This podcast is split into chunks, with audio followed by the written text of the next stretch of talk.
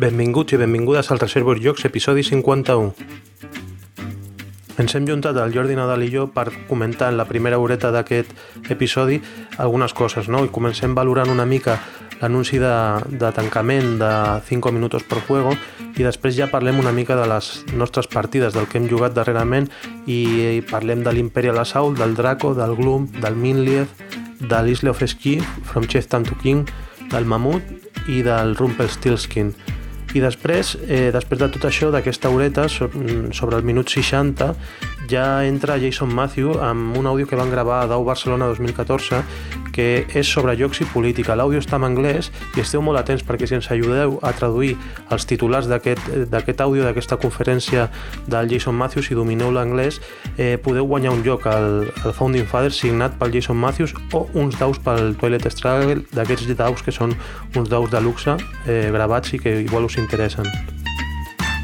Ja sabeu que estem a reservosjocs.cat i també ens podeu trobar a les xarxes socials com al Facebook per Reservos Jocs o al Twitter que també som Reservos Jocs. Si ens voleu deixar qualsevol comentari ho podeu fer als eh, comentaris de la pàgina web de cada episodi o també ens podeu enviar un mail a info arroba reservosjocs.cat.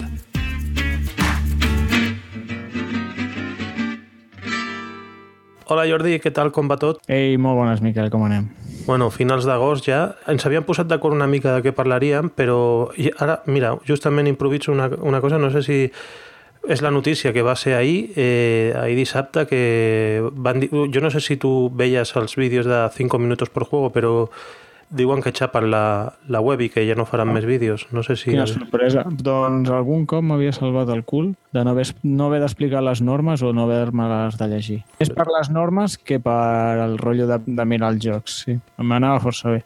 Bueno, però clar, no eren 5 minuts per juego, no? Quan explicaven... Bueno, era la mateixa pàgina, sí. Sí, sí, no, que seria 5 minuts per juego un Mac TV d'aquests... Eh... Un Mac TV, perdona, sí, sí, sí. Sí, per exemple, el Venetia el va, el va explicar el Dani Medina i... Pues mira, sí, amb el vídeo aquest estàvem jugant, no acabàvem d'entendre, vam veure el vídeo del, del Dani aquest i ens va anar superbé. Vale, doncs eh, això ho va anunciar ahir que, que xapava i, bueno, no sé jo ni els motius ni res, però bueno, és una pèrdua i valorar-ho com això. Tenim ara poques alternatives. Jo miro també bastant a, de tant en tant, és que no m'agrada veure vídeos, eh, però de tant en tant els, els pocs que miro són el anàlisis paràlisis de l'Usikai, del Sergio. Sí. No sé si els coneixes. Sí, sí, home, clar. Sí. Vale, vale, no, si és que li estan donant fort i, sí. i graven en 4K i no sé què, i el tio s'ho està currant molt i ha fotut ah, un Patreon que està sí, sí. pillant pasta i després eh, m'agraden les ressenyes d'un tio ital italià però que crec que viu als Estats Units que es diu Marco Arnaudo no sé si has vist alguna vegada algun. És molt wargamer aquest, però... No, no em sona aquest.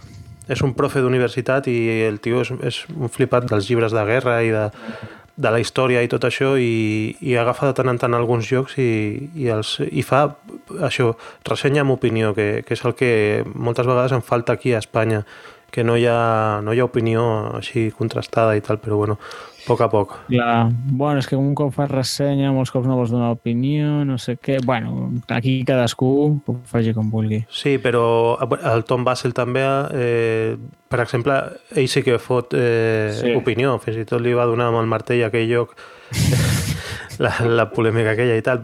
Jo m'estimo més això que no que, que no saber si, si si no. l'experiència, no? Què, què li ha transmès eh, l'experiència d'usuari, no? Un, un joc a un, a un crític o, o a un ressenyador, però bueno. Sí, la veritat és que si no, tots, tots els crítics de, jo que sé, de cine, de teatre, al cap i a fi, no diuen de què va la Jones, et diuen que els hi ha semblat, no? Que, clar, clar, parlant de sensacions més que d'altra cosa. Clar, I clar. ens falta això una mica, crec que falta maduresa en, en el panorama per, per començar a parlar de, de UX, no? de User Experience, que, que, que ho fan més als Estats Units, per exemple, o a Anglaterra, que, que no passa aquí. Clar, però és que els jocs és un rotllo diferent, perquè, per exemple, jo quasi tots els jocs dic que estan molt bé, però és que hi haurà gent que no els agraden, però és que, jo que sé, si el disfrutes... A veure, hi ha jocs que m'agraden més que altres i intento enfatitzar-ho. I si té alguna coseta que no m'entusiasma, doncs també. Però és que és complicat, no? Com... Ah, això és una merda. Joder, saps? No, no, però argumentat tot s'entén sí. i, i sobretot que la gent et conegui a tu, no? De quin Aquesta és l'altra. Fiar-te d'algú, mira, aquest juga més així, més aixà, eh, no li haurà de crear aquest joc per això o per allò, doncs ja saber de què pie cojeas, no? I què Mhm. t'agrada, què no t'agrada. Sí, en aquest sentit doncs, sí que té més valor la, la crítica, però si a mi la gent tampoc em coneix gaire. Si em poso jo a dir aquí què m'agrada, què no, doncs bueno, no sé. Sí, no sé, jo per exemple l'Usikai, el Sergio, Mm. sé que li agraden molt el- els temàtics, no? I, i per mi això ja, ja em dona una pista de que, bueno, quan ressenya algun euro, pues, eh, igual si a ell no li agrada, pues igual a mi m'agrada, no sé. O, o els temàtics també, Sí. bueno, no sé, és que, però ja saps una mica de què va l'assumpte. I, bueno, a 5 minuts per juego, per exemple, jo crec que li faltava una mica això. Sí que hi ha bons eh, magazines, però no, no acabaven donant opinió i, i això era una cosa que, que ells tenien molt clar, que opinió no donaven pels seus motius. Igual és per això, no? Sense opinió, pues, no sé, sembles un mitjà més de les editorials. En canvi, la gent mm, igual agafa el llibre, el llibre d'instruccions o es mira un, jo que sé, un open the box o coses així i et quedes igual, però la gent al, al final jo crec que el que li agrada, per exemple, de, és, són les ressenyes, no? I saber què, què n'opina la gent, però, Mm. però bueno, bueno, no però els sé. vídeos que, que presentava el joc en 5 minuts estan molt bé, perquè no donava l'opinió, però et quedava molt clar, doncs veies els components, com estava el joc muntat i com anava. Sí, però això es va deixar no, no, de fer i no. van canviar a Max TV, que a mi també m'agradava. Eh, Sí. M'agradava el format, de, que era una còpia una mica del trick-track francès, que bueno, convidava sí. algú, a un editor, convidava a un autor i xerraven i tal. Però bueno, no sé. És que eh, porta temps tot el tema de l'edició. Si ja amb l'àudio porta temps, sí. imagina't amb, amb, amb el vídeo. Però bueno, és una pèrdua i la valorem des d'aquí i agraïm tot el treball que han fet durant aquests anys i bueno, eh, a buscar-se la vida per eh, veure altres vídeos sobre jocs de taula. I res, no sé, no sé si tu tens algun altre canal de YouTube o alguna història que, que vegis eh, sobre jocs de taula o... no segueixo cap canal de YouTube només sobre jocs de taula. Quan vull mirar algun, eh, o sigui, quan vull saber sobre algun joc, busco al YouTube i miro el que sigui. El que he mirat bastants vídeos és el tabletop, de, que és en anglès, perquè veus la gent jugar-lo i, i se'n feia força distret. Ho fan molt entretingut Uh -huh. i sempre és com un resum de la partida. No és tota la partida sencera, però estan jugant saps? O sigui, em, em veig les sensacions de la gent, com va, com a, també prenc a jugar, o sigui, em molava el format d'aquells vídeos. Mm. A la Ketty, la Ketty Galleguillos l'has vist alguna vegada també? Sí, sí, de la Ketty també he vist molts vídeos, però ho, pel mateix, vull saber de què va un joc, poso i m'apareix el primer aquest, doncs me'l miro, o per aprendre a jugar. Mm. I sí, així. Que per cert, el, el Sergio, el d'Anàlisis Paràlisis, vol fer un rotllo tabletop, no? He vist algun cop que graven partides i és tres quarts del mateix. Se senten allà, es posen a jugar, una càmera a dalt, una càmera d'enfront, Uh -huh. i, home, la veritat és que va bé. Per Sí. tenir les primeres sensacions del joc. Ell, de fet, és un dels objectius. Si arriba no sé quanta pasta al mes, eh, farà, vol fer el tabletop. Un, eh, Mm. Versió espanyola. Sí, sí i, de, i ja també per dir-los tots, eh, jo també de tant en tant he mirat eh, un que es diu Mi Juego del Mes, que és un tio Ah, que, sí, el conec. que ho Bueno. explica i, i ho explica força bé també. Aquest que també explica jugar, sobretot, no? Sí, sí, sí. I, i bueno, mm, ja donada la notícia aquesta i valorada i tal, pues, eh, Mm. passem a parlar una mica de, de, del que has jugat eh, darrerament. Sí, és veritat. Uh, doncs mira, últimament no he jugat molt, he estat de vacances, que per cert va venir un hongarès i li va ensenyar a Barcelona, però no vam poder jugar, tenia moltes ganes de jugar amb els meus amics i no vam poder jugar. Una, una pena, però bueno, abans d'això he jugat sis partides a l'Imperial Assault, déu un dels, un dels meus col·legues se'l va comprar, estava a vacances i va ser quedar i jugar amb l'Imperial Assault. Eh, la part positiva és que vam jugar sis partides seguides i podem poder fer la campanya, o sigui, no fèiem té modo escaramuza, té modo campanya, doncs vam anar fent la campanya i va molar molt. Ho dolent és que no sempre anem amb els mateixos, però tenia moltes ganes de jugar i bàsicament doncs, qui faltava li donava el seu personatge a un altre, que en un moment ensenyes a jugar i, i tu passes bé igual. Mhm. Vale? Llavors, el, el propietari del joc, com no? Fa del dolent i bàsicament els bons... És una espècie de Destin, Sí. de, bueno, perquè la gent es situï. De, bueno, és una espècie, no, és un Destin, però de Star Wars. Han millorat algunes cosetes que era, crec que era un problema del Destin. No sé si has provat el Destin, Miquel. Eh, no, eh, diuen que, és que, que abans del Destin el Destin era com un Doom i que el Doom era una mena de, de Hero Quest i jo el Hero Quest sí que Sí. el vaig provar quan era petit i tal, però no és el meu estil i, i ja per això ja Ja. ni Destin ni, ni aquest. Pues bàsicament el problema del Hero Quest i del, almenys del primer Destin i del segon també, crec jo, tot i que el, de, el segon només he fet dues partides, és que bàsicament anaves, anaves amb els herois, entraves a una sala, de ple de monstres, els mataves. Següent sala, ple de monstres, els mataves. No sé, pues això pel dolent tampoc és super entretingut, no? Mm. El que fa de dolent. El Hero Quest era totalment pla. Després el Destin pues, ja tenia unes cartes, ara fico bitxos aquí, ara fico bitxos allà.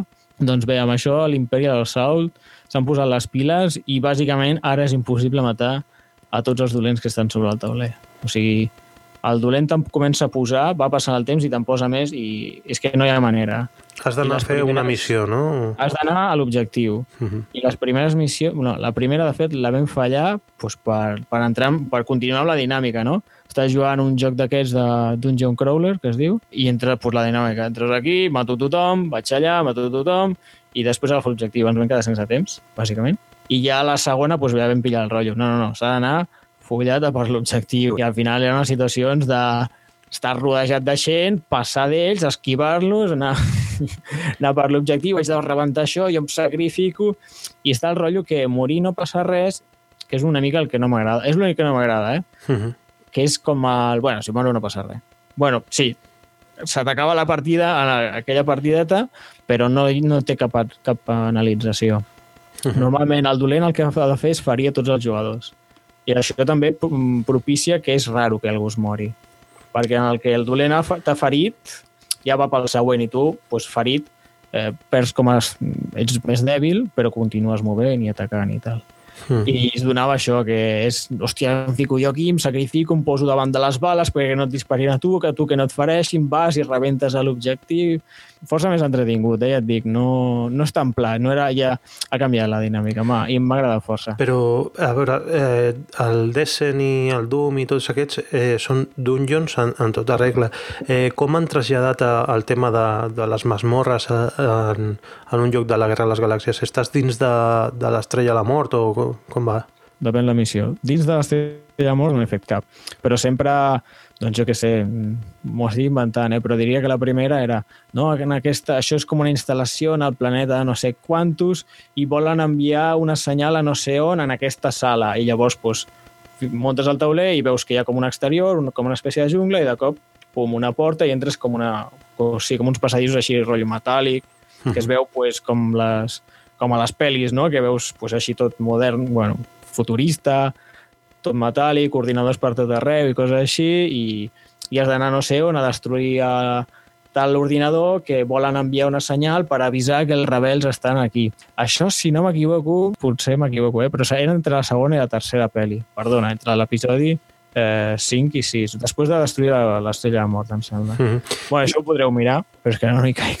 Bueno, i el, una cosa que crec que jo sí que he mirat d'aquest joc, a part de, dels quartos que val, eh, és que venen com figuretes, però també et venen després eh, tokens de cartró que, que són substituïbles per figuretes, no? I, i aquí està una mica el, el coge mi dinero, eh, de, si tu tens, no sé, ara, si vols tenir el Han Solo, en, en comptes de que sigui un token de cartró, te'l pots comprar, però també val, un, val uns diners, no? Una cosa així.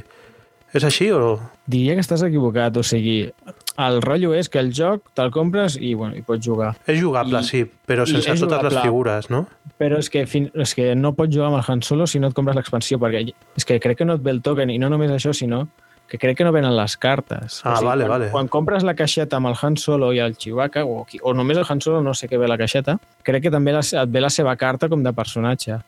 Perquè, clar, si em vingués la carta, podria jugar amb ell amb un token. Vale, vale, o sigui, jo pensava que venia un token i les cartes i, i et deien, doncs si vols eh, jugar-ho i, que la, i millorar l'experiència amb una figureta i tal, compra't, mm. eh, compra't la figureta, però... O potser sí. No, no, no, no que, que igual tens raó tu, eh? perquè clar, té més, eh, té més eh, lògica comercial el tema aquest, de que no ho tinguis al lloc sencer i que l'hagis d'anar comprant a poc a poc.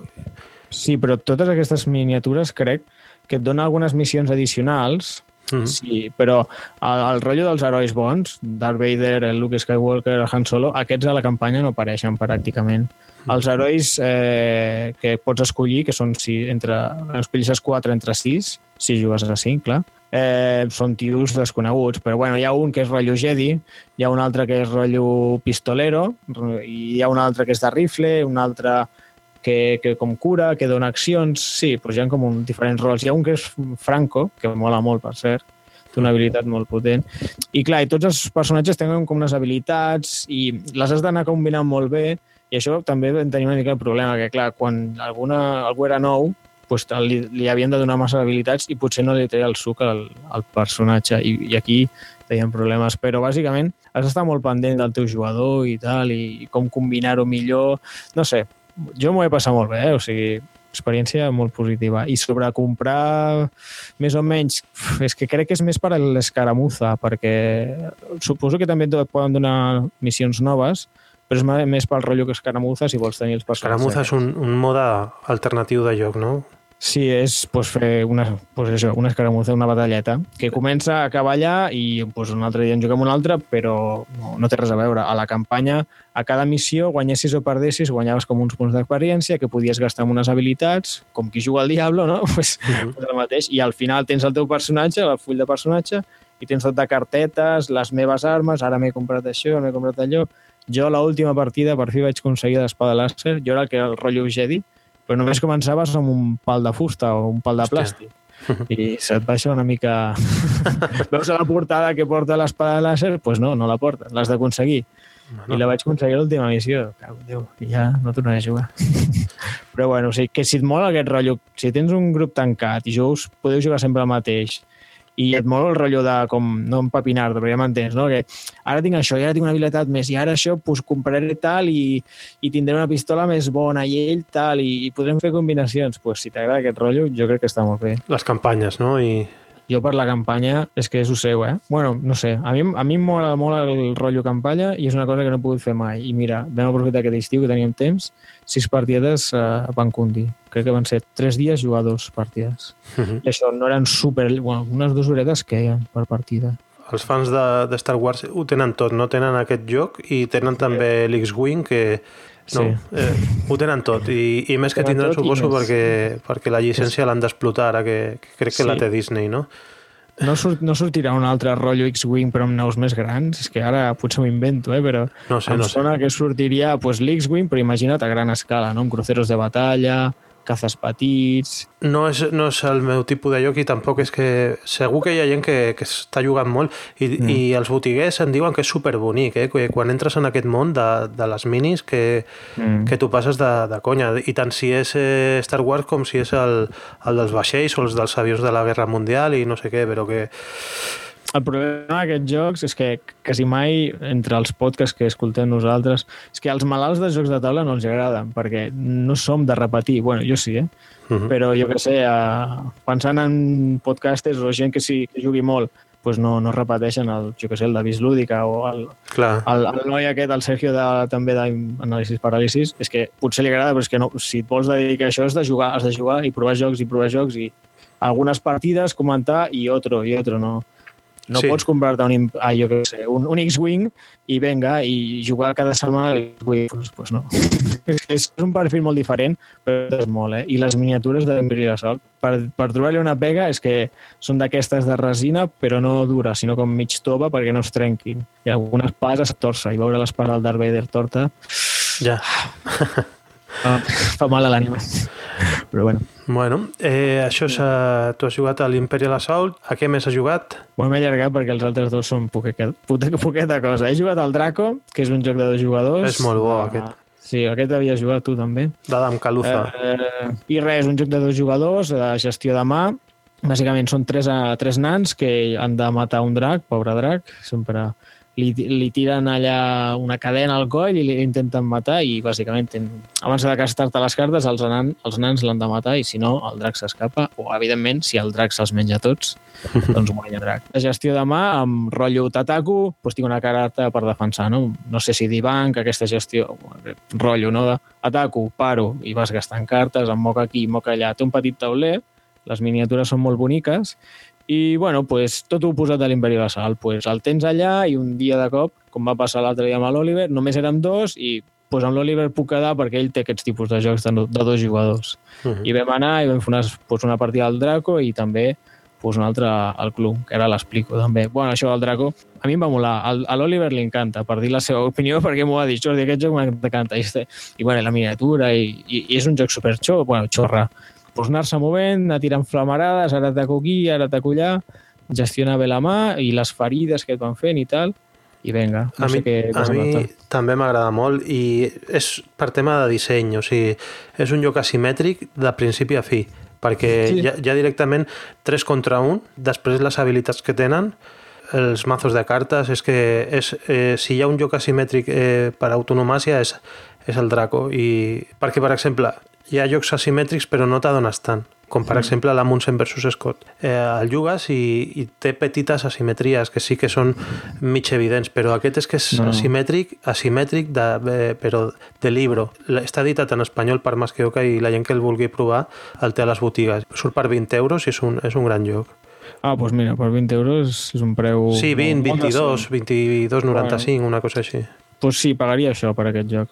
I també és això, jugadors, tens el tauler petitet, així amb els hexàgons, tots són miniatures, o sigui, els tres nans i el drac són miniatures, és bonic, es juga en 30 minuts...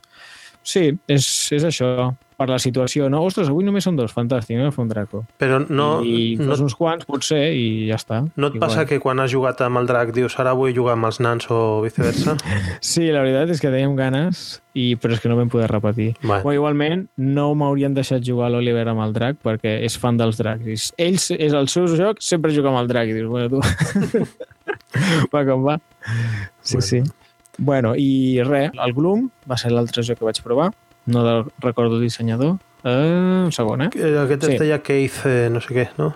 Bona memòria que tens. Keith Baker. Pues Keith serà- Baker, sí. és- Res, un joc molt catxondo, eh, de dos a quatre jugadors. Ben jugadors, pues per això, perquè érem dos. Però veig aquí a, a la BGG que el recomanen tant a dos a tres o a quatre, o sigui... Ah, no, best with 4 i recomanat 2, 3, 4. Bueno, a dos funciona també la mar de bé, eh? És que s'ha de retallar, es juga amb menys familiars, penso, no? Sí, eh, no, de fet, juguem, ben jugar amb tots. Ben jugar amb tots. O bueno, et recomanen, si vols fer eh, partides que siguin més, més ràpides, curtes, sí. sí. Si vols jugar menys estona, doncs jugues a menys familiars. Sí. I res, crec que aquest el vas explicar molt bé tu en un capítol del... del Descobrint jocs, però bueno, que digues perquè és un joc que, que És molt catxondo, és molt catxondo. Bàsicament, cada jugador porta una família, una família de, de gent amb mala... Bueno, no sé si dir mala sort o... Sí.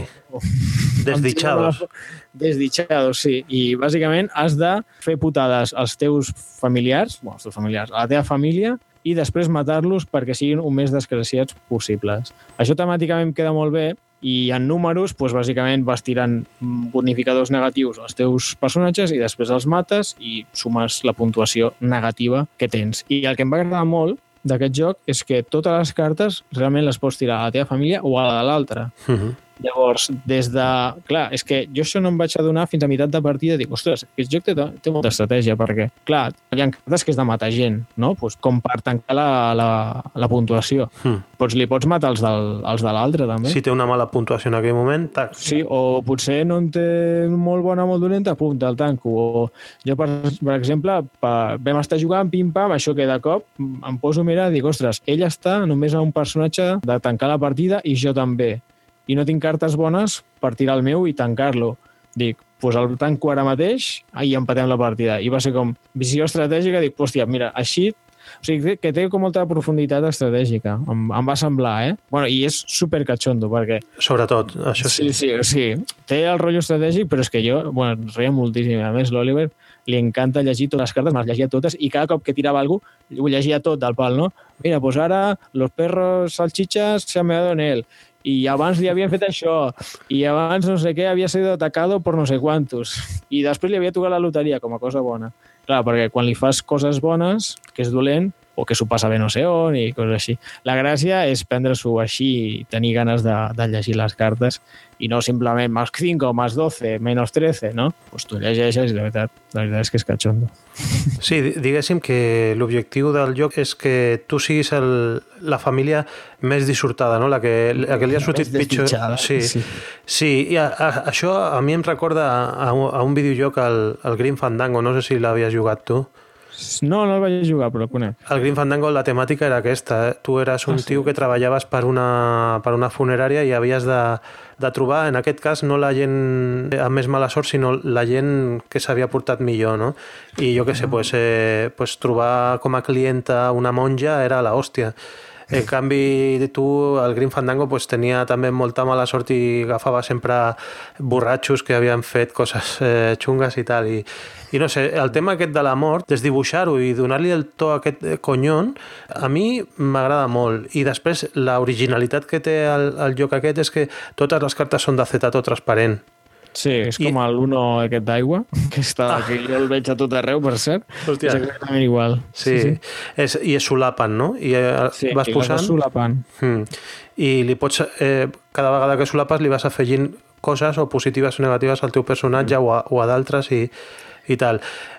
Jo crec que és un joc molt depenent del grup. Se, segons Sí. amb qui jugues és un joc que, que és la bomba i segons amb qui jugues dius, bueno, vale. Sí, No? la veritat és que si te l'has de prendre com més 4, més 2, ara, ara tanco aquí, ara tanco allà. No, estàvem nosaltres allà llegint Mm. i ara li faig això i, el, i també pues, tots els familiars són diferents. O sigui, no és jo tinc una família, este és el padre, este és la madre. No, no, no. no. Allà són tot, si no m'equivoco, eh? totes les famílies són diferents i no sempre és pare i mare, fills o tal. No, no. Crec que la meva família no, no tenia pare perquè es, sembla que la dona l'havia matat, o sigui, donava a entendre, tenia majordom i tenia dos, dos mellizos Uh -huh. mal, malignos, no sé què, bueno, té la seva gràcia. Sí, o sigui, sí. No, no hi ha, després no hi ha cap diferència durant la partida, però té com gràcia és, aquesta és la missis no sé quantos, aquests són els mellizos cabrones i aquestes coses. La gent pot pensar, eh, surt per uns 20 i pico euros també, i la gent pot pensar que per un joc que és només de cartes, que és car, però han de pensar que les cartes són de l'acetato aquest i que jo crec que està bé de preu per, per lo que és, pel material que és, que no són cartes de, de cartró, vamos. Clar, clar, clar. Aquest potser és el seu problema entre cometes, perquè clar, veus la caixa i dius, hòstia, un joc de cartes, i la caixa és minúscula, o sigui, Mhm. Perquè t'hi càpiguen dos baralletes d'unes... 40 M'imagino que el joc deu tenir unes entre 50 i 70 cartes, perquè, bueno, doncs cap això. Igual alguna més, eh? Perquè, sí. Bueno, potser sí. Mira, potser ho posa per aquí. No, no ho posa. Igual 80, Bueno, 90 cartes, però bueno, sí, que, que és un Sí. joc petit.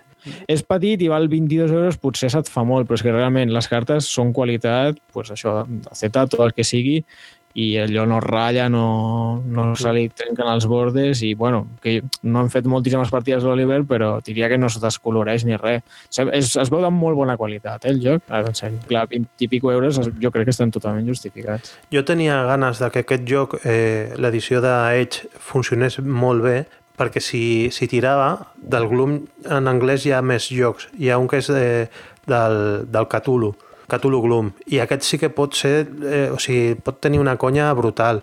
I són, són jocs molt dependents de l'idioma, perquè has de llegir el text i tal per posar-te en la situació, riure i tal, i deia, hòstia, si triomfa aquest Gloom, a veure si treuen el, el Gloom del Cthulhu, que seria, seria el que realment a mi m'agradaria tenir en castellà. Però, clar, eh, la gent es mira molt a, a això. Eh, capsa petita, preu gran... Mm, Sí, tristament sí. Però clar, és que no tothom és tan malalta com nosaltres, Miquel.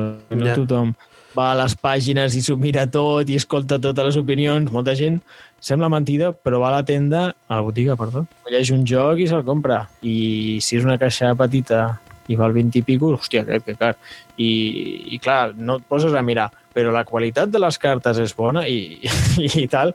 Crec que fins i tot han fet que la caixa sigui transparent. Potser m'ho estic inventant, però tenia el rotllo que sí que deia que les cartes són transparents. saps? sí, de fet es veu, Es veia. té com una finestreta que es veu, Això, que es veuen algunes cartes. Com a joc eh, no passarà a la història com a un gran joc de cartes, eh, però és molt divertit en el context. Eh, jo me l'imagino molt jugat eh, per gent, per exemple, de, de 16 a 20 i pico anys, no sé, que són mig gòtics i tal, aquest joc eh, per jugar-ho en un bar, per exemple, els hi pot donar tardes de glòria. O sigui, Clar, clar, clar. Però bueno. Sí, sí, sí. I tu què, Miquel? Sí. Eh, jo, mira, entre que he estat a l'hospital per, eh, per, bueno, perquè la meva dona ha tingut una, hem tingut una nena. Eh, Felicitats. Sí, sí, perquè ho havíem dit fora de micro, però no així. Em vaig portar a algun lloc i, i un dels que va caure és un abstracte. a l'hospital? Sí, perquè clar, perquè, perquè allà has d'estar després a, a l'habitació i no sé què, i bueno, va- vam estar cinc dies, eh, que, penses que vas allà, pam, i tots els parts són diferents. O sigui, No, no s'arriba a moldre, no? no, no, i en aquest cas mm, no, o sigui, eh, però bueno.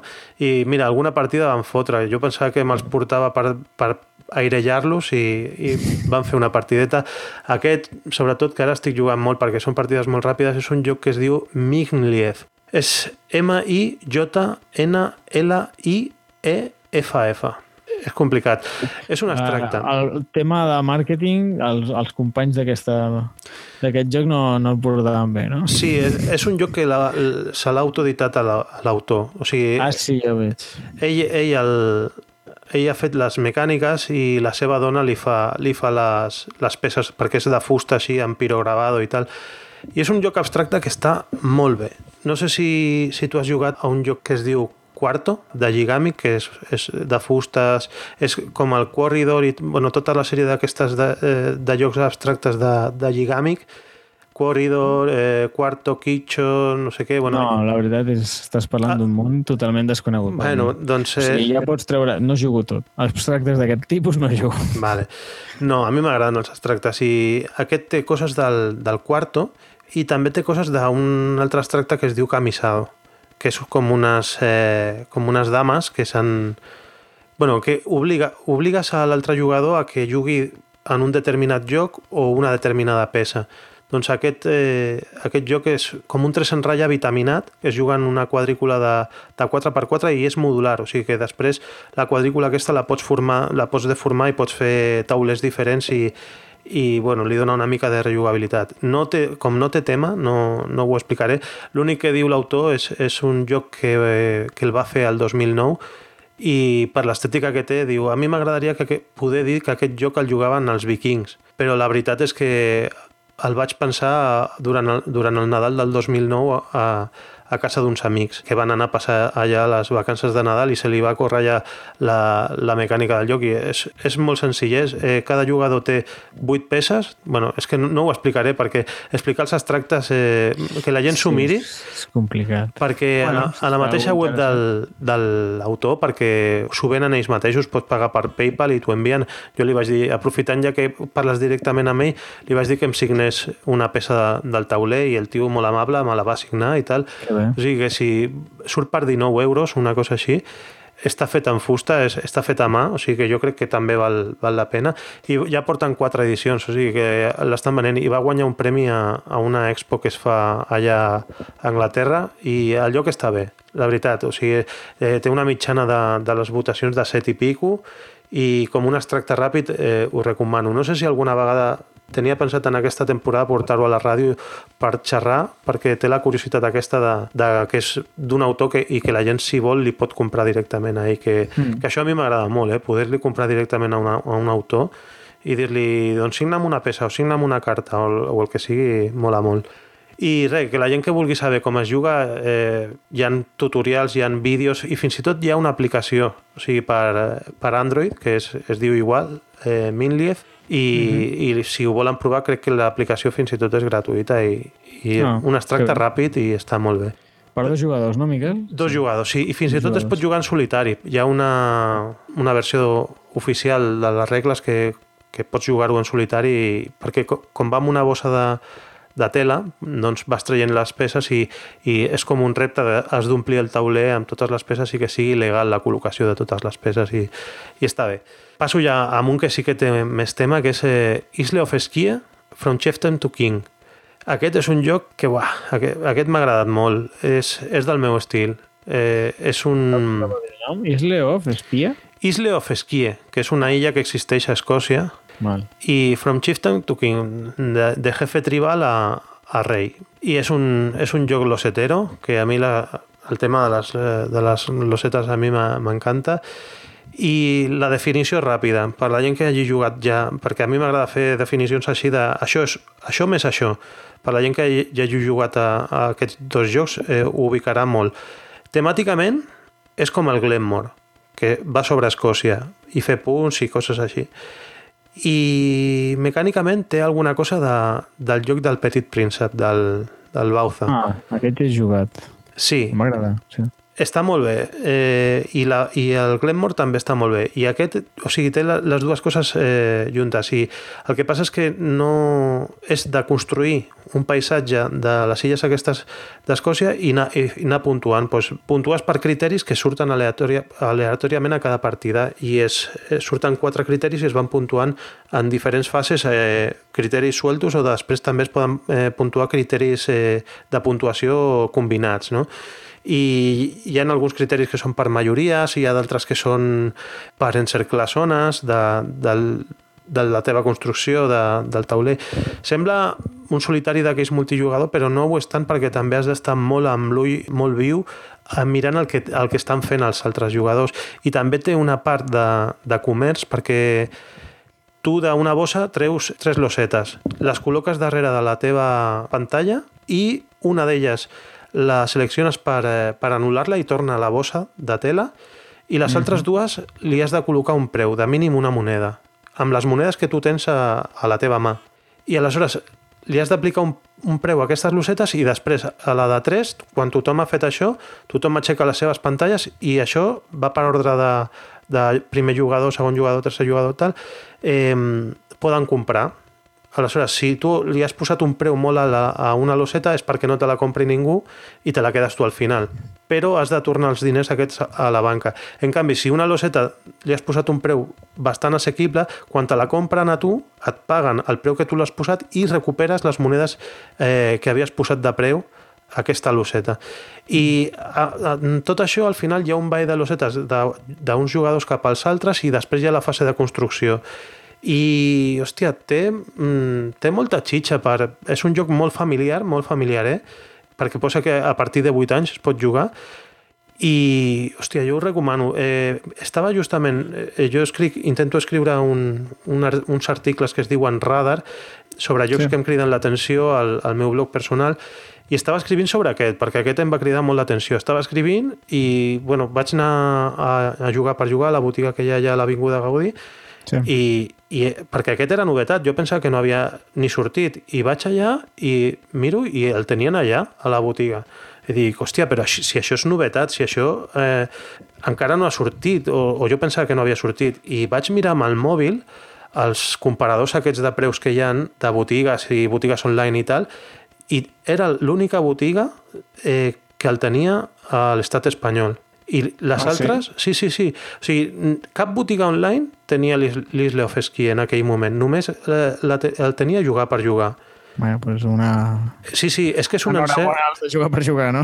És, és un encert de botiguer, o sigui, és, es veu que, que es van documentar, van llegir, van veure que, que aquest joc ho podria petar pel seu públic, perquè ells tenen també públic bastant familiar, i van dir, pues el volem tenir aquí, i se'l van fer d'importació, però és que només el tenia una botiga a Alemanya i, i jugar per jugar. I jo dic, hòstia, però... O sigui, la van, per mi ho van encertar i, i tres sí. o quatre que van portar van volar. I és un joc que, que a mi m'agradaria que, que el provessis perquè, perquè està sí, molt bé. Ara m'has fet venir ganes, eh, Miquel? I m'acabes de dir que se'ls han endut tots? No, no, però suposo que, suposo que això, ells van ser els primers en portar-ho i suposo que ara el pots trobar mm, més fàcilment, vamos. Dic, d'on és a, a aquests els dissenyadors? Veig els noms, Andreas Pelikan, són, Alexander... Són alemanys, són... Mira, un és, són, són coneguts perquè han fet el, el Twix aquest de... Un va fer el Twix, a veure, l'Andreas Pelikan... Eh, és, mira, l'Andreas Pelican és el del Broom Service, que és un dels que va, crec que va guanyar el, ah, sí? el, el... l'Espel des Jares. Però a l'avançat, no? No sé sí, com es diu. Sí, sí.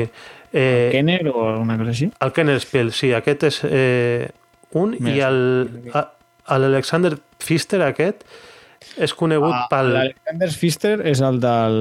El Port Royal. Eh? És el del Broom Service. Broom Service, sí. I... Sí, ho tinc aquí davant i Port Royal i... Perdona, Alexander Pfister, ho he dit bé, eh? Alexander sí. Pfister ha fet Blue, Broom, Broom Service i altres. Que I, i Port Royal, per exemple, que, que és... I Port Royal, sí. Port Royal està editat aquí, crec, per De Beer. I el Pelican, també, Broom Service, també em surt que és autor i... Ah, suposo.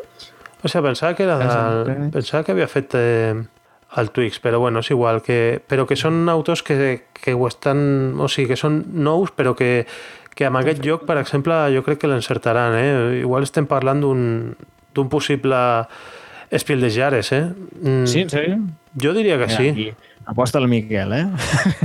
Proper espiel de Jares, però com a espiel o com a Kenner espiel? O sigui, com a familiar. Com a espiel, com a espiel, diria jo. Sí, que no de dolent, eh? perquè és un rotllo... Aquí posa que és auction bidding, però no, és, eh, no són subhastes. Sí, perquè tu poses preu i això Clar, ja és, ja és hi ha molt molta estratègia, no?, pel que dius, perquè ja no és a veure qui puja més, és això ho ficaré alt perquè ningú m'ho compri, ara compro això barat per aconseguir diners i comprar-los... M'imagino que ha de tenir el seu rotllo. Sí, sí, sí. Eh, o sigui, que la gent que... Perquè jo conec gent que diu que està de, dels jocs de subhastes que ja no vol cap més. Doncs que s'oblidin perquè aquest no és un joc de subhastes, tot i que aquí a la, a la BGG ho posi. És un joc de, de comerç i estàs com, fent comerç amb, amb, les teves, amb les rajoles. I, clar, també a vegades et pots gastar tota la pasta per, per posar preu al que tu tens, però després no tindràs pasta per comprar. Has d'esperar que algú et compri a tu per recuperar diners per després tu poder comprar. I, bueno, jo és que aquest per mi ha estat una de les sensacions i el que tenien allà la, a jugar per jugar és fins i tot la, la versió de Mayfair, que, és la, que està en anglès hi ha la de Lockout, que és la, la que està en alemany i que suposo que aquí és, serà més fàcil de trobar i més barata la de Lockout. És totalment independent de l'idioma i és que eh, Lockout està fent uns jocs superfamiliars i, i o sigui que estan, estan molt bé. Eh, són euros, eh? Euros de llibre, però, però molt accessibles i, i molt recomanables. Jo aquest vull parlar també a la ràdio perquè és un, és un gran joc i, i ho recomano. Si la gent el pot pillar, és, eh, és, un, és un encert total. Eh? Bueno, veiem que el Miquel s'ha enamorat, eh? definitivament. Sí, mira, És l'únic... una ressenya així positiva, jo diria. Eh? Sí, sí. L'única pega, perquè tots els jocs tenen una pega, i això ens va passar amb una partida que vam fer al Club Amatent amb la Neida. Era que vam treure objectius i van sortir objectius que eren molt semblants. Eren gairebé tots objectius de majories. I va, va ser la Neida la que va veure allò i va dir espera, espera, eh, torna a ficar un parell d'objectius dintre la bossa i, i treu, treu uns altres. Sí, sí. Si et surten, clar, si et, si et surten objectius molt similars, jo també recomanaria a la gent que fes això, que, que el remeni una mica i que, i que surtin, pues, surti un objectiu de majoria, un altre de- d'encerclament de, de zones, un altre de... Eh, no sé, hi ha, hi ha moltes mecàniques dins dels objectius de puntuació i, i és que és un joc que té bastanta rejugabilitat perquè d'objectius vas a quatre objectius però tens 16, 16 rajoletes d'objectius. O sigui que imagina't totes les recombinacions de, d'objectius que pots fer i, i les partides poden ser molt diferents, o sigui que et dona la sensació de- d'estar jugant a jocs super diferents i en la temàtica aquesta que està molt bé de- d'Escòcia, de, hi ha el whisky, hi ha, hi ha vaixells, hi ha fars, hi ha... Bueno, no sé. Després tema no té res, eh, perquè és un extracte, però, però bueno, jo crec que a la gent que li agradin els euros, aquest és un euro molt potent, molt potent. I molt ràpid de, de jugar, pel que veig aquí a la BGG. Bueno, posa 30-60 minuts, però això, això depèn molt de, del número de jugadors, eh? Bueno, però també... Sí, clar, depèn del número de jugadors i de les partides que hagin fet. Mira, 30, 30 minuts seria una partida a dos jugadors i ja jugant ràpid.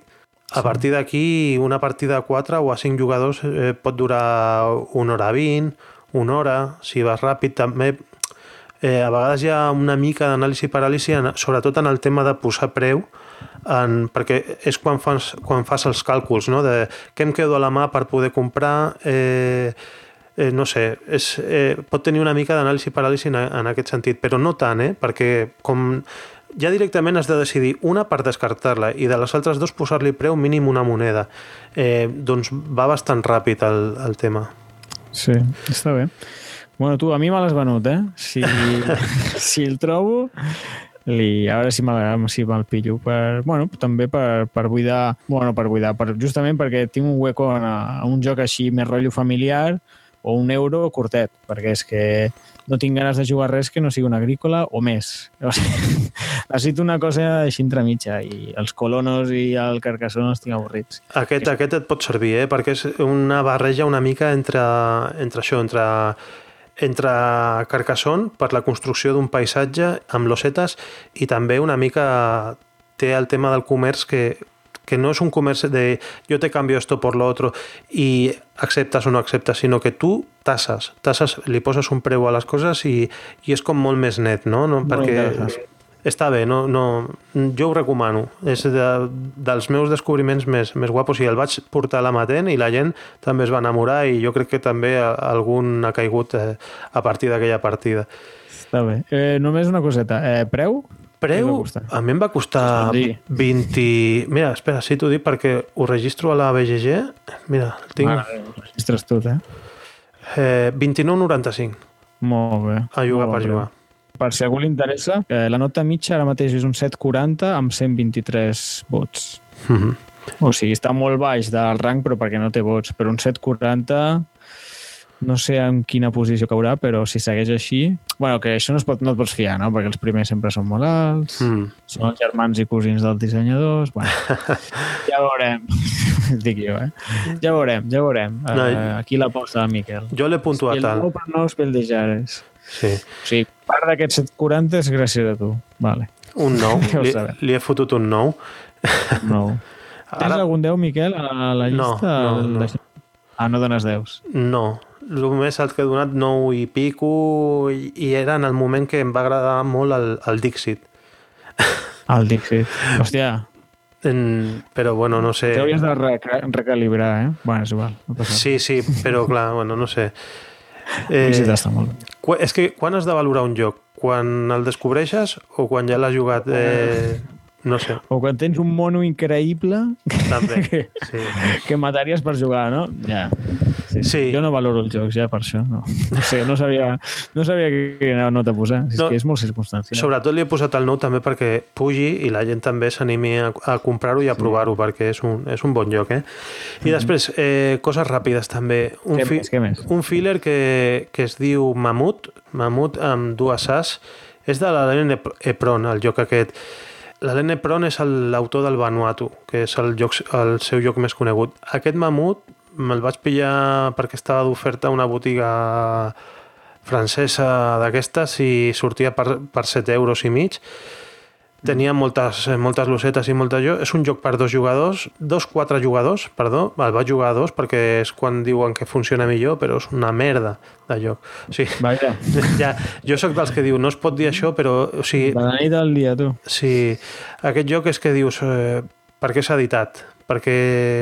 Sí, sí, té problemes, eh? Perquè és un joc que quasi totes les partides acaben que un jugador necessita una carta de una carta d'un, dos o tres i, i tothom necessita aquesta carta, ja sigui d'un, dos o tres, perquè són, funcionen amb cartes així, d'un, dos o tres, i és fins que algú roba aquesta carta és, és qui guanya. I dius, com pot funcionar un joc així?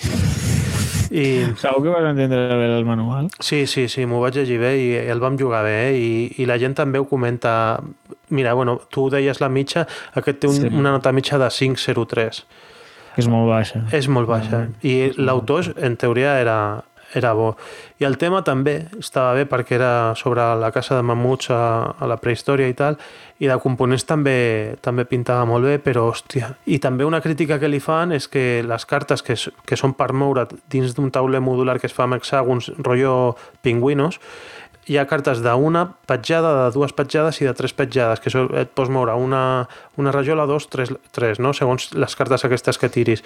Doncs hi ha gent que diu, hòstia, eh, podrien haver posat el número, un, dos i tres. Doncs no, són cartes on només hi ha dibuixades les petjades. I, i joder, que hi ha gent que té problemes de, de visió i que, i que un número ho agraeix, no? I, no sé, són coses de, de producció i, de, i després de, de disseny de mecàniques que dius, hòstia, com, com s'ha editat això? I, I ara el tinc a veure, a veure si el puc col·locar. Vaja, després del que has dit... Sí, sí, jo a vegades eh, em faig... Eh, em tiro pedres al meu propi... Però bueno. Sí, sí. Ara, no, bueno, però potser us agrada, eh? No, no està tan malament. No, saps el que faré? Com són 7 euros i mig i ve amb sí. molta rajola de cartró hexagonal i tal, l'aprofitaré per fer algun, algun proto o per... Ah, protos. Mm. Fiques enganxines i ja tens hexagons sí, i cartes. Tens cartes i hexàgons i, i tiramilles. I després ja per acabar jo, perquè després passarem amb, amb, amb lo del Jason Matthew que et comentava abans i ara després sí. ho expliquem. He jugat també a un joc que es diu, eh, a veure si ho dic bé, Rumpelstiltskin. Jolín, tot junt? Sí, tot junt. Rumpelstiltskin. Si poses Rumpel a la BGG segurament et sortirà. És un joc d'un autor que es diu Nate Hayes i està publicat per AEG. L'has trobat? Sí, bueno, si fiqueu a la BGG Rumpel, Ja tal surt. com sona, ara et surt, gràcies a Déu. Perquè si no... Sí, i és que AEG, Alderac, eh, aquests Alderac Entertainment Group, té una sèrie de jocs que li diuen Fight Minute Fan, que és diversió en 5 minuts o una cosa així, o en 10 minuts. 5 minutes fan. Vale, sí, sí. 5 minuts, sí. 5 minute fan. I, I tenen molts jocs que són de cartes i de, po de poquetes cartes, rotllo com el, com el Love Letter o una cosa així. I aquest és un joc que, que va amb 20 cartes. 10 cartes per un jugador, 10 cartes per l'altre. Totalment simètric, són les mateixes cartes per un jugador i per l'altre. I és un joc de guessing. Es remenen les 10 cartes de cada mazo i cada jugador roba 5 cartes. I eh, l'objectiu del joc és descobrir quina de les cartes és la que té l'altre jugador a baix de la seva pila de, de robar. Perquè tens 5 cartes a la mà i les altres 5 és una pila de robo. Mm -hmm. La carta que ha quedat al fons de la pila de robo és la que ha de- d'endevinar l'altre jugador perquè guanyi l'altre jugador. I tu has d'endevinar la, la, la carta que té al fons de la seva pila de robo a l'altre jugador. I funciona amb unes cartes que, que tenen diferents accions i una de les accions és guess. Eh, I quan, Endevinar, no? Sí, tires aquesta carta i dius doncs jo penso que tens eh, el 10 a sota. Si el té, ho revela i ha perdut, però pot tenir cartes a la mà que tinguin com counter effects, no? que, que en el moment de que algú li endevina, la pot jugar per, i, per exemple, per, eh, per canviar l'ordre de, la, de les cartes de la pila de, de robo. O sigui, la, la que està a sota, posar-la a primera i la que està, saps, canviar l'ordre. Hi ha una que pot, pot canviar l'ordre, hi ha altres que pots eh, fer altres mogudes i eh, són counter effects que també es pot jugar una mica a, a fer bluff. Eh, per exemple, tu mires la carta, no te l'han endevinat, però jugues un, una carta que té un counter effect perquè l'altra la, l'altra persona que està jugant contra tu es pensi que l'havia ende- endevinat en aquell moment i, i li fas una mica... El, Clar, clar, clar, perquè hi torni a insistir amb el mateix número. Exacte, i, i vale. bueno, no sé, són, són jocs Bueno. així molt tàctics i, molt, i com a joc de guessing està superbé. El preu també crec que és, eh, és baratet. El que passa és que aquests jocs d'AEG a vegades costa trobar aquí a, a les botigues. Sí, probablement. Però surt per, per uns 10 euros una cosa així. I, Mm. Bueno, tot i, i que si el vols provar segurament t'ho pots fer a casa, no? Perquè Sí. si són 20 cartes de l'1 al 10 has de saber què fa cada número i ja està. Exacte, sí, sí, sí, sí, segurament per foros aquests d'Arsco o, o d'allò, però bueno, val 10 euros i, i l'art està molt bé, és així sí, rotllo... Però el típic, jo que sé, pues vaig a fer una partida i si t'agrada dius, joder, per, tret, per 10 euros me'l compro original i vinga. Sí, aquest, I aquest el que passa és que és bastant nou, però aquest segurament acabarà passant com el Love Letter, que sortirà la fan Sí. version de Batman, la fan version de no sé què, i bueno, és això. Està, està bé, és un joc que pinta molt bé per partides també molt ràpides i tal, i, i per jugar en parella està bé. I l'art de, les, de les cartes també també mola molt. És un joc per dos i, i prou, no? Sí, sí, sí. sí. I res, això és el que he jugat. Que no és poc.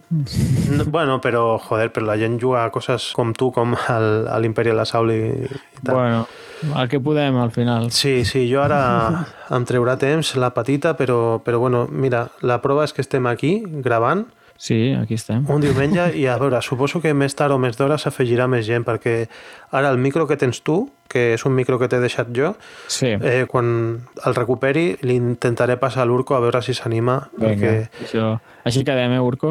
Eh, Et passo el micro. ella a part té coses interessants que d'explicar perquè, té, perquè ha jugat al Victus, ha jugat bueno, a la Masia aquest estiu ha jugat molt o Juguis sigui. el que juguis, ni, ni que juguis un joc, pues si ara tinguéssim algú més i hagués fet una o dues partides a un joc, o fa mil anys que juga a un joc que no n'hem parlat mai, és que és benvingut. És que a vegades, no sé, pues de cop coneixes un noi, jo, per exemple, això que parlant, parlant amb un xicot, de cop, ah, jo jugo a jocs de taula. Dic, oh, sí? I dius, sí, però sempre el mateix. O sigui, portava com 3 anys jugant al Juego de Tronos de tauler, que és un que a mi no m'agrada gens. A mi tampoc. tio, pues, amb el mateix grup d'amics, de- que són entre 4 i 6, pues, anda que no l'han disfrutat aquell joc. Aquest noi ens podria explicar aquí meravelles del joc i per què li agrada tant, no? Perquè és que anys i anys jugant al mateix joc i un dia els hi vaig dir, saps que hi ha més jocs, no? Bueno, sí, i tal. I bueno, pues ja van, van jugar més, però bueno, l'opinió d'aquest company o, i, i així n'està ple, eh, de gent pues, que juga a un o a dos o a tres, però a l'haver jugat molt, jo crec que és una opinió molt, També. molt. Sí, clar, sí. Clar, clar, clar. Bueno, eh, doncs ara explico una mica que per la gent que hagi arribat fins aquí, que ens hagi aguantat, ara no sé quan porto gravat, ara ho miro, mira, portem 50 i pico minuts ja. Per la gent que hagi arribat fins aquí, aquest, eh, aquesta xerrada que, que estem fent sortirà abans del Jason Matthews, que el vam gravar al Festival de Barcelona al desembre, tenia el seu àudio gravat i és un àudio molt interessant perquè és un àudio que es diu... Bueno, ell va parlar sobre jocs i política, perquè ell ha fet molts jocs sobre política, sobre, sobre Obama McCain, per exemple, que és un joc de cartes molt xulo, a, el Toilet Struggle, sobre la Guerra Freda, el Founding Fathers, té molts, El tampoc joc tants. aquell de, del Kennedy, de la campanya dels 60, Sí, el 1960, sí. 1960. Aquest també és seu, sempre, amb, eh, sempre fa amb un altre autor, dissenya en parella, que és una de les coses que li van preguntar també a, a la xerrada, i jo aquest àudio el tenia en anglès i sempre estava pensant, què faig? Li poso àudio en català a sobre, no sé què, no sé quantos... I vaig dir, mira, per, per tirar milles fem un episodi, el posem en anglès, que és un anglès a part de Washington, perquè el, el tio és lobista allà a la Casa Blanca i és un, un anglès de Washington que, que s'entén molt bé. Jo crec que hi ha anglesos que parlen, un, no sé, depèn de la zona on siguin, no, no, no t'enteres, però aquest t'enteres bastant bé. És molt neutre. I la gent que l'escolti, aquí ve la proposta i aquí, aquí ve una mica el concurs o el sorteig eh, que farem, la gent que escolti aquest àudio i que entri a la pàgina a reservosjocs.cat i en els comentaris d'aquest episodi 51, que és el que parla sobre jocs i política, que és eh, l'àudio del Jason Matthews, la gent que comenti, que sàpiga extreure els millors moments eh, titulars de, de premsa o els highlights de la xerrada del Jason Matthews i les coses que ell diu les, les posi, amb, entre cometes, traduïdes al català o al castellà en els comentaris de, de l'episodi, entrarà en un sorteig del joc Founding Fathers del Jason Matthew signat per ell. És un joc que va signar el mateix eh, Festival DAO quan va venir, o sigui que si la gent que, sí, que sigui col·leccionista de jocs signats o que no tingui encara el Founding Fathers, que és un joc d'aquest autor i, i li agradaria tenir-ho, pues, té una oportunitat d'aconseguir-ho. I després també tindrem dos regals menors, també per, per la gent que segueixi participant, en aquestes traduccions de, de moments eh, interessants de, de la xerrada de Jason Matthews, que serà dos jocs de daus exclusius d'aquests del Toilet Struggle. O sigui que si tenen el Toilet Struggle l'edició normal, la de De Beer o la de GMT, eh, hi havia una empresa que, que serigrafiava daus i aquests daus són un és amb l'estrella i l'altre és amb, amb el símbol comunista d'uns colors molt, molt llampants i molt xulos que són per millorar-te si el, el toilet Struggle si ja el tens. O sigui que, que entre la gent que participi poden guanyar el premi gran que serà el Founding Fathers signat pel Jason Matthews i dos premis petits que seran dos jocs de daus del Toilet Struggle facilitats per la Ludotecla. Era la iniciativa de, de jocs de taula de la Biblioteca Tecla Sala de l'Hospitalet de Llobregat gràcies al David Rosal que, que ens va facilitar aquest, aquests dos jocs de daus eh, pel Toilet Struggle. Com ho veus, Jordi? Bueno, sembla... Pinta bé, no? Tu corres molt, Miquel. Ja t'ho he dit abans fora d'antena, però ara també, perquè sí, sí, està, està molt guai. Bueno, Sí. pues és, són oportunitats per guanyar jocs. Mira, d'una que vam donar pel Venetia i, Sí, I- me va dir... i el vas pillar tu i, i mira que quan ho van treure vam dir això semblarà tongo. Pues, pues, pues no, mira, eh, vas participar, encara no ens coneixíem ni tan sols en persona, ara ja Ah. sí que ens hem vist alguna vegada, però, però això, que ara la gent que participi doncs, tindrà l'oportunitat de portar-se aquest joc, el Founding Fathers, que és un joc sobre els pares eh, fundadors dels Estats Units, i amb, la signatura de, certificada que és, eh, que és per ell, perquè tenim fotos de quan ho va estar signant allà a de Barcelona, i després els daus, que sembla que no, però fa goig jugar amb, amb daus així fets expressament per, per un joc. Daus temàtics, eh? Sí, Té- sí, per- pinta, una molt Per bona- la gent que el vulgui saber com són els daus, a la BGG segurament ja... I també a la BSK es va fer una llista de quan es va fer aquesta comanda de daus i hi ha gent que va demanar de més. Entre ells suposo que el, el meu amic David de la Tecla Sala i se'ls va quedar aquesta parella que, que no que es, es veu que no estaven agenciats i me'ls va donar per sortejar-los al podcast i això hem fet. Li agraïm. Fantàstic, moltes gràcies.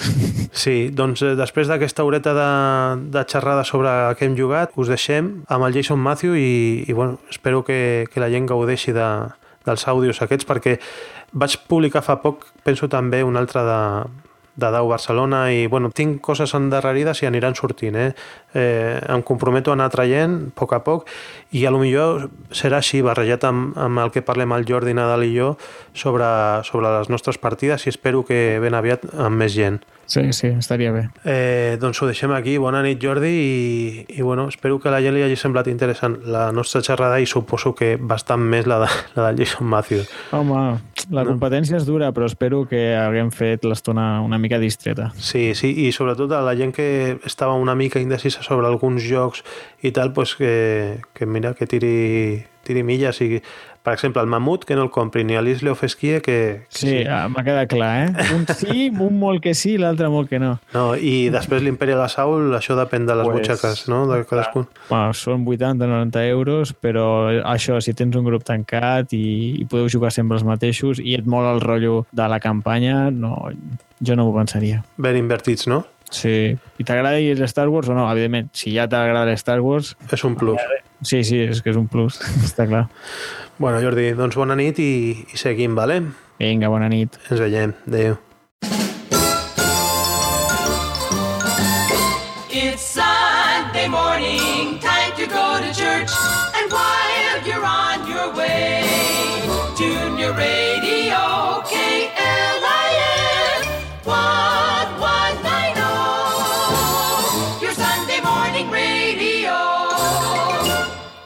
Well, thank you all for coming. It's very, very kind to see so many fans of the game here at the same time. I apologize that I have to speak in English. I don't speak Catalan, of course, and I only took high school Spanish. I sound like a Mexican anyway, so it doesn't, not so wonderful. They asked me to speak a little bit today about games and politics, and there are two sides of this subject. I'm going to talk about both of them. First is incorporating politics into different kinds of games, like Twilight Struggle, and then there are games about politics, like 1960 and Campaign Manager, and others. Um, the history of games and politics, as far as I'm concerned, there are really three ways that it's been done. Um, and the first, the most, maybe the most effective way, is to let gamers introduce politics into games themselves. And diplomacy is the classic example of this. This it's a political game, of course, and in that game, the politics the, the politics comes from the gamers themselves. They have their identity, they negotiate with other players, they uh, create their own alliance system, and uh, they try and not recreate World War I, basically. That's the, the object of that game. There are some downsides to that approach, even though I, th- I love negotiation games personally. Uh, but then I'm, I work in politics, so backstabbing is okay with me. That's kind of my job. Um, but most gamers, weirdly, I think just because our hobby tends to have a lot of folks who are interested in mathematics and precision, they tend not to like negotiating games very well. And if you look at Board Game Geek and the ratings for negotiation games, they're way, way low, even for classics like Diplomacy and, and uh, Cold Keys and Kinetta, the, the classic German negotiating game, which I also quite like, but it, it's not that popular with people. Women hate negotiation games, as it turns out. they really don't like backstabbing and betrayal, uh, and uh, they think men are good at it, so you know they, they don't like playing those kinds of games with us either. So, um, for those reasons, um, even though you can find diplomacy and negotiation from players in games like Settlers as well, and in um, in larger games like Pax Britannica, it's just not that common a mechanism. It also tends to take a lot of time. So if you're trying to design a game in sort of European scale or Euro scale of time, you need something faster than just to let people argue as, as much as they're inclined to. Um, The other way that we've seen politics introduced into games is by rules, and this is this was the most common way that was done when I was growing up and playing games with, with politics in them, either the American Civil War, games like the Republic of Rome, games like Empires and Arms. There would be very, very static, very, very complicated rules, and they would essentially, you would have to meet a certain set of conditions, then maybe roll a die on a table and get a political outcome. Unfortunately, that has nothing to do with how politics works, right? Politics is not static, it's very fluid. It changes all the time. It's super dynamic and it's unpredictable. That's what makes politics interesting. And so, war gamers, unfortunately, were really good at making politics uninteresting. Uh, so, they everybody who could would strip it from their games. They would get rid of it. You know, you didn't want anything to do with politics in your game because political rules were just a mess, and uh, they just made for an unpleasant. They made for a very unpleasant game. So we were lucky, uh, from my point of view. We did get somebody who finally figured out a way around this problem. We didn't. It wasn't just going to let people negotiate politics and make up the politics inside the game. They weren't, he didn't write pages and pages of rules about politics and have a variety of conditions. What he did was put politics on cards, which is how card driven games got to be where they are. Um, so, the first, of course, game with this approach was We the People uh, about the American Revolution. And that's the game that inspired me to work on Twilight Struggle. Um, it was the first game that did a bunch of things that were important. The reason that putting politics on cards works so well is it's very much like writing a bunch of rules because basically all these cards they're all rules changes right they're not you can call them events or you can call it card driven but it's really a bunch of additional little rules but the great thing about these additional rules is that you don't have to learn them. You just get handed the rule and then you read it and decide whether, okay, do I want to change the game with this rule or do I not want to change the game with this rule? And that actually is a much better way to simulate politics than having a bunch of static conditions that you have to meet. This allows you to decide, okay, well, Muslim revolution, is that something that makes sense or not make sense. The existence of this potentiality is also reflective of politics, right? Most people know that this could happen in real life or whatever. So you take that contingency into account with your plan- planning, and then you begin to drive people's decision making in the same way that political decision makers have to account for different contingencies. This could happen, it might not happen, I may never see it, but I need to plan for it.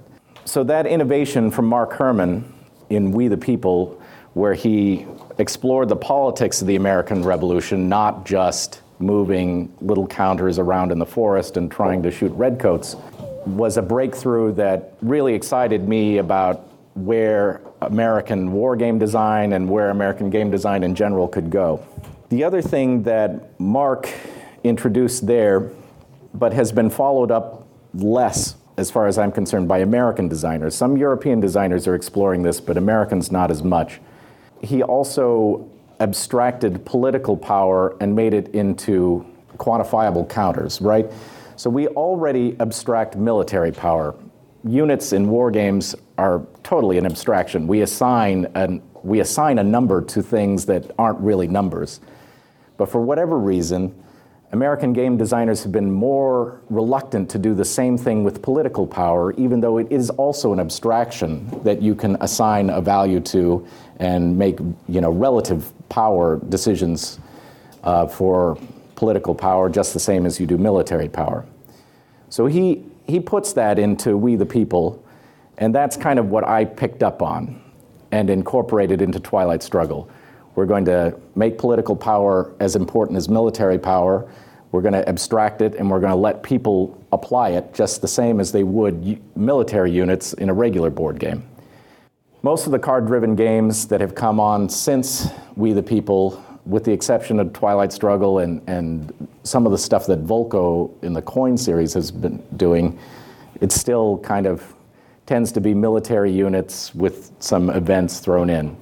But I think the place that's most interesting to go and the place that we could use more development is in how you take this abstraction of political power and make games around political realities. So that leads me a little bit into talking about political games. So after Twilight Struggle, the next game that I made was 1960. For some very strange reason, I, I should say, first of all, that uh, Reiner Knizia, he's, he's come to Washington, D.C., where I live, a couple of times. And he said there are three subjects that are, they sound like they'll make good games, but they never make good games. Uh, first was the stock market, the second is sports, and the third was politics. Um, so he might be right. um, but I keep chugging away at it. Whether, whether he's right or not, I keep chugging away at it. For whatever reason, in the United States, we've had a ton of election games. There are like legions of them, maybe 50 or more games about US presidential elections.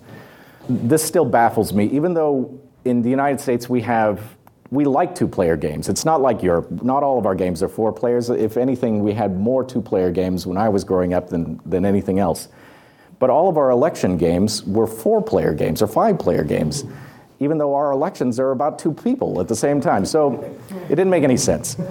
So the first problem I wanted to fix is, okay, let's have a campaign game that's a two-player game because that is kind of how the American political system works.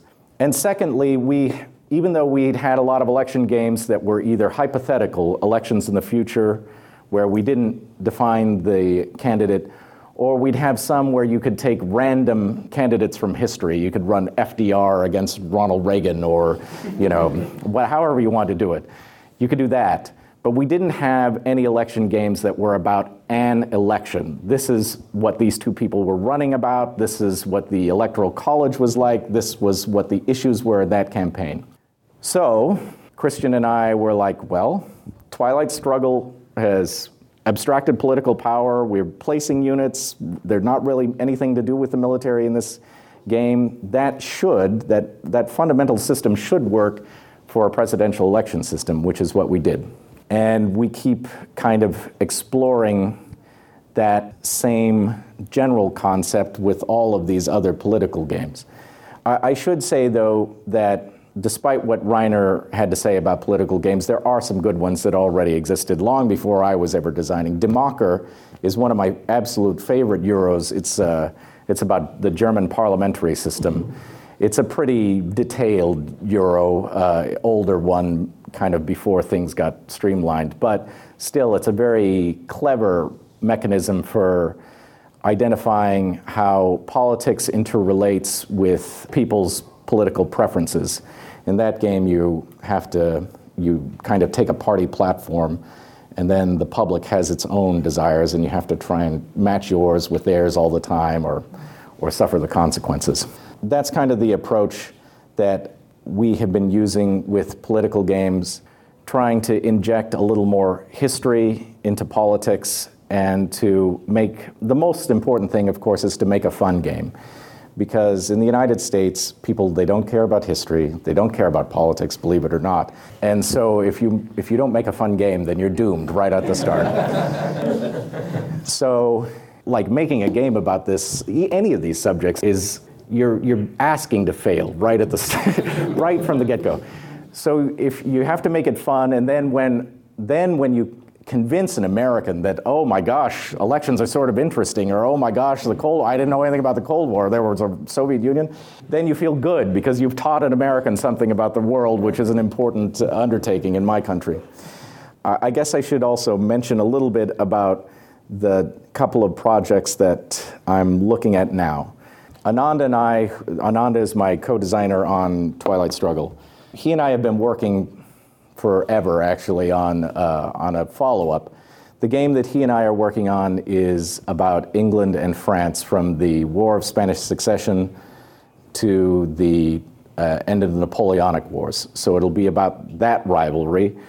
for us, we, we think of it as kind of a prequel to Twilight Struggle because it's England and France over several hundred years, uh, sort of like the uh, sort of like the Soviet American rivalry, only longer, and also global in scope. So that that's helpful. So uh, that will probably be another GMT game. We're working with those guys right now, and I suspect I'm not sure which of these two will come to fruition first, but anyway, that, that one's out there floating around. The other thing that I'm working on is a, um, a game about that'll be a follow up to Twilight Struggle. It'll just be Central America, so Nicaragua, El Salvador, Guatemala, that little mess that the United States um, participated in at the end of the Cold War.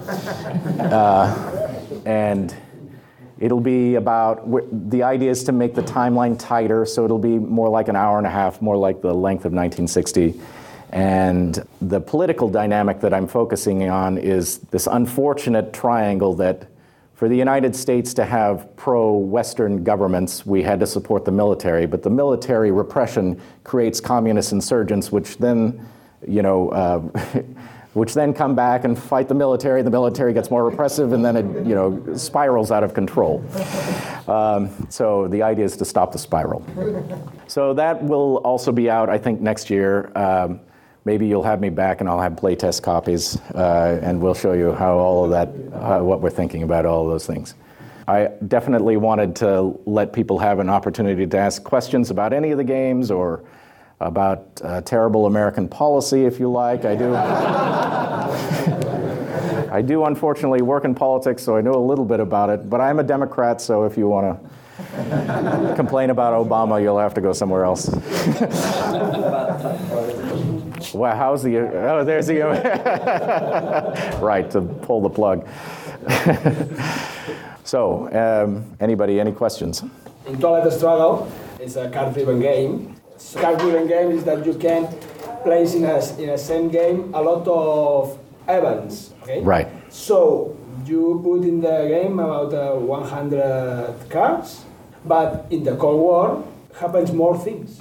Many more. Many more. Okay? So how do you choose what events put in the game? Uh, you first think about the mechanic of the card. More important for you, the event that represent the card. So I am. You know, there are two schools of design. Basically, maybe there are a thousand. I don't know, but let's say there are two. they're the, they're the way Americans design games and then the way our European cousins design games. And I have learned a ton from the way uh, our European cousins design things. But I am still an American in this regard. I come up with the event list first, and then I find mechanics. Our European friends tend to go the other way, right? They have a mechanic in mind and then they apply whatever theme that they want to. So in the case of this game, we probably had I probably had a list that I started off with of about 200 or so events, and then I started weaning them down. So uh, we say in the rule book, and you'll know this is true, the Cold War that we're trying to represent here is the cartoon, not the actual Cold War, right? the domino theory is not true. It doesn't work that way. Real life does not work that way, but it works in this game. Um, so, one of the criteria that we used is we only allowed events that had, had something to do with the relationship between the Soviets and the United States. We did not deal with the internal politics of the alliances. So the Greek Turkish war in the, uh, in the 70s is not represented in this game, even though it's actually quite an important event during the Cold War, an important event for the NATO alliance. But because it was internal to the NATO um, internal to NATO and actually doesn't really have anything to do with Cold War. It's just the Greeks and the Turks hate each other, and they always hate each other. They always have. Uh, so we don't include that. Uh, similarly, you know, we don't include tensions between Romanians and Hungarians, or you know, any any of the other kind of um, non-Cold War specific events. So that helped us wean out some, and then we also there are a few exceptions to this, but we didn't do a lot of internal events. So things that were just about what happened inside Russia or were just about ha- what happened inside the United States. So, like the civil rights movement, which is hugely important in the 1960s and definitely impacted US policy, is not represented in Twilight Struggle because we considered it internal to the United States. the only uh, the exemption that I that comes to mind is the Kennedy assassination, which is a card. Of course, conspiracy theorists think that the Russians or the Cubans had something to do with it anyway. But anyway, it, in reality, it's it's a U.S. domestic event. For card-driven games, one of the main dangers that happens in this kind of games is card balance. Yes. It's easy to have a card that completely breaks the game. This is true. How do you deal with this danger? How do you try to reduce the problem to the minimum? Well, my critics said I didn't bother. um, there's only one way, right? You have to playtest and playtest and playtest and playtest. And I will, I have to admit that as much playtesting as we did, first of all, we didn't have the advantage of online playtesting for this. And secondly, there were still card combinations that I saw way after the game was published that I had never seen combined before, and it created rule ambiguities that we had to clarify through the FAC or, or second and third editions. We changed wording slightly to make, to make sure certain card combinations didn't cause problems. But you're right, 110 cards coming out in any order, weird things happen, and from my vantage point, the 1989 is my most recent game, and we had an advantage for 1989, which is that we had a programmer design an online version of it before it was published. So we invited a group of basically hardcore Twilight Struggle nerds to, to try and beat on it as much as they possibly could. And they probably played 1,500 games or something, which is a lot for playtesting purposes so you, of something. Humans to try to combine. Even though they are nerds. Yeah, right, right. They're better. They're better than real humans. so you don't use computers in order to create fake combinations nothing not no we still i think yeah maybe maybe someday we'll get to that stage but you know the hobby is i'm sure it's true in spain it's definitely true in the united states everybody who works in gmt they've got other jobs so do i so you know you know nobody has nobody has either the resources other than hasbro and mattel to do to do that sort of thing and they don't do it either so you always appear uh, as co-designer uh, with other people on all your games. I can't find one game with with without a co-designer. It's because I'm lazy. Um, the I want to ask you uh, how is the process? Uh, it has uh, pros and cons, and do you recommend to uh, authors here to design in, with a partner?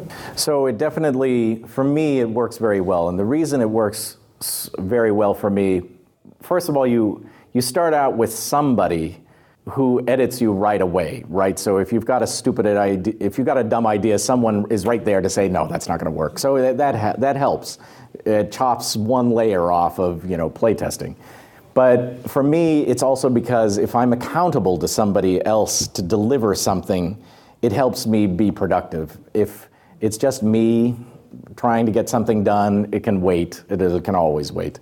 So uh, having a co-designer helps uh, make me uh, produce what I need to to get the game done. Um, in the case of Christian, he and I also approach games in different ways, so we're complementary, but we, we end up with more friction. Um, Christian is definitely more of a Eurogamer when we do cards, he wants everything on spreadsheets so he can compare the numbers and blah blah blah blah blah. And I'm the and I'm the history guy, so you know, at the end of the day, I don't really care if it's balanced. I just want the history incorporated the right way. So uh, he and I work we work well together. We're complementary, but we're different styles. Ananda and I are the basically the same kind of gamer and the same same. Uh, so we work like hand in glove. It's very smooth, but then we're dangerous together because there's nobody there to say, "Hey, are you sure those are balanced?" Figure it out later. Could you explain us a bit uh, your interest in the Spanish Civil War? Because in the introduction of the game, you, you, you explain a bit. No? Yeah, that's right. So, if for those of you who haven't played this, or I don't know if it's in the, if I don't know if it was translated in the Spanish edition, but but I, I started this out as being a Spanish Civil War game. We when I looked at uh, We the People, and we started with that as our inspiration. We're like, okay, what other conflicts in history? Have a heavy political, they're a war, but also a heavy political component. and Spanish Civil War came jumping to mind. At that time, there weren't, when I did this, there weren't a lot of Spanish Civil War games, just a couple. So then I started reading. I'm not an expert on Spanish Civil War. I knew the general outline of how it went, but um, but I decided, okay, well, let me dive into this. And then when I began to read about the politics of the Spanish Civil War, I realized I was going to spend the rest of my life reading about the politics of the Spanish Civil War, and I would never get a game designed. So Ananda was like, hey, how about the Cold War? I'm like, oh, yeah, I know a little bit about that. I lived through a big chunk of it. And if you were going to college in the 80s, that's all we studied. You know, in political science, that's all we did. So that was easy. Um, and to your earlier point about events, it was culling the list down. That was the hard part for me in, in Twilight Struggle because I had so many notions of things that should be included rather than the other way around. So, uh, since then, there, there have been a couple of good games about the Spanish Civil War. That's the good news. Um, and uh, people have managed to get through it, mostly Spanish designers, I think. But American companies. American companies, right, exactly. Um, you say you, you work in, in politics. Um, how does your experience as a game designer affect your uh, experience in real world politics? So, uh, yeah, they, it kind of dovetails in a way. Um, I was interested in history and politics before I got a job in politics, so I, I don't know which is the chicken and the egg, who knows. Um, so, uh, all of my colleagues, I went to Washington initially to work for a US senator, and I did that for 13 years. And then I sold my soul and uh, decided to make money. And uh, so I went to work for the uh, initially the U.S. Chamber of Commerce, which is the business organization in Washington, and now I work for BP, uh, British Petroleum. Fortunately, um, you know, I, I haven't designed any games about spilling oil, so that's not directly relevant. But in general, this I wouldn't say that designing games has had much of an impact, but strategic thinking is very important in politics, right? You have to both think tactically and strategically at the same time. Politics can be very tactical, but then you can win every battle and lose the war in politics very simply. Um, our friends in the coal industry have illustrated that very nicely. They won every vote they ever had in the Congress, and now they're going to disappear anyway. Um, so now, working for the oil industry, I have to help try and protect my colleagues from making those same mistakes. Speaking of great European designers. All your games are about politics, but they are about very specific politics in history in Europe. Have you ever thought of designing kind of a generic politic game? So, uh, and there are some clever ones, right? Uh, I'm trying to think of what what's that? I can't think of the name of that game that's about the rules of the game. It, it's kind of a. Ye, sorry. Yeah, gnomic, exactly. Yeah, so that's very that's a very clever thought exercise. I do think about them, and I do definitely take um, take instruction from them. But I like details. I mean, I'm a history nerd at the end of the day, so the details are make it fun to me. Uh, in 1989, Mhm. you introduced a system of cards based on an evil with the people. Yes. But Mark Herman removed the system from with the people to Washington War because lengthened a lot the game. No, uh, you understand that playing a, a game that is two three hours with this system could be very long in, in your game. At the end, it's not because the different countries disappear. When Right, uh, it's shortened. Yes, it it it. it and it's funny at, at Right. the end to play with cards, and you introduce a, a very successful way that is to discard or to draw more cards. That means that you have not the, the, the error that Mark commits. No? That right. he put a lot of cards, but at the end the battles were very short because the, the strategy. No? Right. I, you should email Mark Herman and tell him that. He's going to send you something angry back. But, but uh, no, I, the one thing I like about 1989 as a design is I like how it accelerates towards the end, which also, if living through that period, you realize that that's kind of how it happened. Like all of a sudden, Eastern Europe was gone or free or however you want to describe it. Um, and, and the collapse built upon itself. I always liked that mechanism that Mark decided to discard from We the People, and he, it's out of Washington's War now. He preferred to roll the dice. I think it lends a certain drama to the combat mechanism. So for me, it works, and for him, I guess it doesn't. That's all good.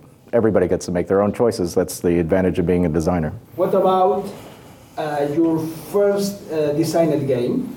Okay, uh, about if the your not the publisher Mhm. first designed game, how you begin as a designer, is about a product game, and if not, what is your evolution until uh, political games? Well, so Your history. So weirdly, so this is the hard thing, right? Honestly, in most regards, the first game that I had in my head was Founding Fathers, and I only got around to it uh, third or fourth, whatever. But I think I'm sure most of you, you're all gamers. You probably all have three games in your head. Like I would work on it in the shower, and that's about as far as it ever got. I would never get it to paper, and I would never. If I don't have any graphical art skills, so making prototypes is painful, painful, painful to me. So I, but I do it anyway. Um, the thing that changed with Twilight Struggle, and the reason that this actually became a game, is because Anand and I were playtesting for GMT, the, the publisher, the American publisher of this game. De Beer, of course, is here in Spain. And um, when we were seeing both the prototypes and the quality of things that were being submitted to GMT, and we were playing through them, we are like, oh, we probably could do this, uh, and we could probably do it better. Not to be arrogant, but anyway, that, that was how we felt about it. So, so we got cracking. Uh, as I said, we began with doing something on Spanish Civil War, but ended up doing the Cold War. But the style is being ported to, to a digital version. Right. Uh, you are working uh, on this board, and how do you feel about the, the feeling uh, of playing uh, with uh, touching the game uh, or in digital screen? So, like everybody else, I got an I have an iPad. I play lots of games on it. I think, like most of the people in this room, I much prefer having a face-to-face opponent. But there are some advantages. I, I was talking to somebody. I think I was talking to you last night. Uh, there are some games that I just didn't get, like Tigris and Euphrates. Like it's a, a classic. People love it. I never really understood the strategy, and it was so it was long enough that I didn't play enough games to ever get the strategy. Then I got it on the iPad. I played you know 50 games of it or whatever, and you can play in 10 minutes, and so it was. So it helped me understand the game, and now I quite appreciate it. So there's a, a, a role for it, even for people who like to face would prefer face-to-face games. I think there's a role for these kind of um, iPad adaptations. Additionally, in this case, you know, Twilight Struggle, it's a more in-depth game. If you don't happen to live in a major city where there are lots of opponents, you can you can struggle to find opponents, and the and the app will let you play uh, with a live person, either hot seat or you know by the internet, and I think that's a good thing too. So poor people who have to who have to imagine their opponent or or use a, clever system to go through uh, an an artificial AI system this will be an alternative for them as well. But give me a live opponent every time if, you, if I have no choice. Talking about uh, real politics, have you seen the uh, House of Cards TV series? Yeah, What What do you think is is, is real? it's all real. Every last. Uh, right. Washington's a good place to live. The, uh, so, so the the series that series I watch it of course. Um, everybody in Washington watches it basically, but uh, that series, uh, the first season. Everything that, every crazy thing that happens in the first season has actually happened in Washington. Like I know all the, all I know all those stories. The thing about it is, it never happened to one person, and it never happened in a span of a year. It's like over the history of Washington, all of that stuff happened in the first season. Second season, third season is getting crazier and crazier, and I, you know, it, it doesn't really bear a lot to do with how Washington actually functions. Mercifully, I mean, Washington is a very it's I guess probably like your Madrid. It's it's dry, or maybe more. Maybe that's not a fair comparison. It, Washington's dry and sleepy compared to New York or L.A. or Chicago. It's um, people with short sleeve shirts and pens in their pockets. It's not that interesting. Natural question now. What about West Wing? West Wing. Ugh. I'm a Democrat. I hate that show, though. The reason I hate that show is that it makes press people seem more important than the people who actually uh, do work. West Wing, I think it's how every American wants their government to work, but a lot of decision. But there's so much in the West Wing where you know people pound their liberal chest and they do what's right for the American people. That happen. It, it, that does happen. Don't get me wrong. People there are people who come to Washington come for the right reasons. They sometimes they stay for the wrong ones, but they come there motivated to try and help. But uh, you know, how many how many profiles in courage? That's the book that Kennedy wrote about senators who who did a very brave thing, but it's a very short read. So you can you can get through it in one day. That's that's American politics. all right. Well, uh, if there are no more questions. Um, thank you all for coming. Uh, you've been a great audience. If anybody has games that they need signed, I'm, I'll be here and I'll hear all convention and happy to see you guys. Uh, thanks, thanks again. Don't